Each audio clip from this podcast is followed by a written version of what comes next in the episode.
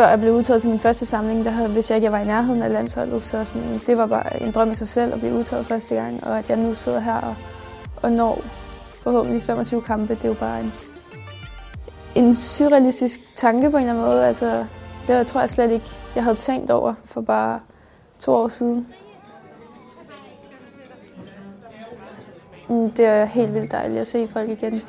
Øhm, det, bare det at tale dansk, det, det er dejligt.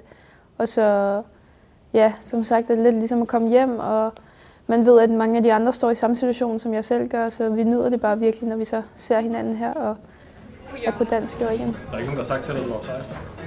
Jo, men... Jeg siger, at det, det skal ikke gå Det er ikke godkendt. Nej, vel? Der er offside. Men hvorfor er jeg stadig... var- Jeg er jo ikke var- involveret. Jo, for du influerer målmand. Jamen, det var det, jeg Målmanden er nødt tænkte. til- Målmanden er nødt til at tage højde for dig.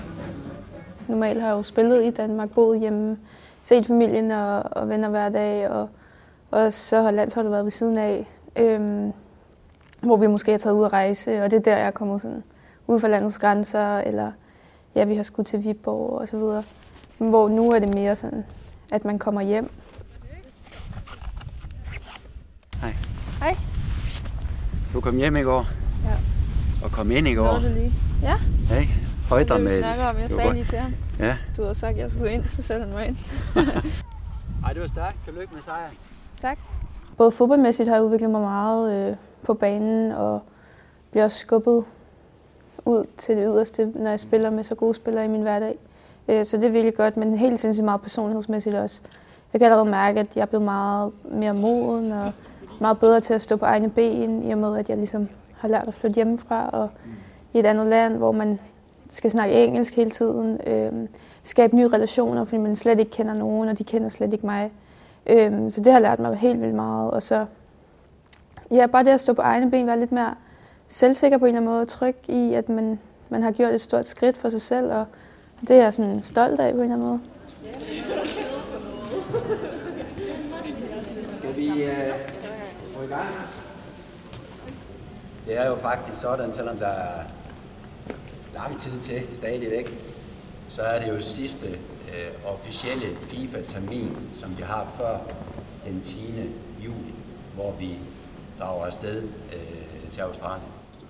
Jamen, jeg synes bare, at det bliver endnu vildere kvindefodbold. Øhm, det er så fedt at se, at det rykker sig på så kort tid.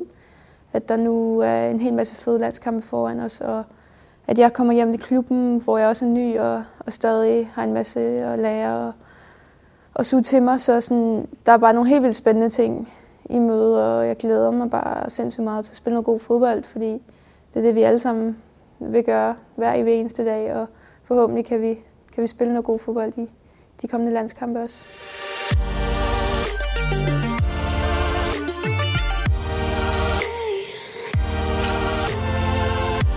Harder, hun er jo bare en stjerne i Danmark. Øhm, både på og ude for banen, og det er jo altså vildt, at man sådan bliver sammenlignet med hende på det punkt. Øhm, og ja, det er jo kun et skulderklap, tænker jeg, fordi hun er så stor en stjerne herhjemme, og ja, nok den fodboldspiller, man kender allermest til. Ikke? Jeg har egentlig ikke rigtig tænkt over det før nu, at sådan, det er min kamp nummer 25. Øhm, fordi sådan, jeg nyder bare at være her, og altså, mit mål er bare hver dag over i klubben, og også da jeg spillede i Nordsjælland, at sådan, blive udtaget til næste samling, og at det nu er kamp nummer 25, det, det er jeg da mega glad for og stolt over. Det er gået helt sindssygt hurtigt, og ja, håber bare på mange flere også.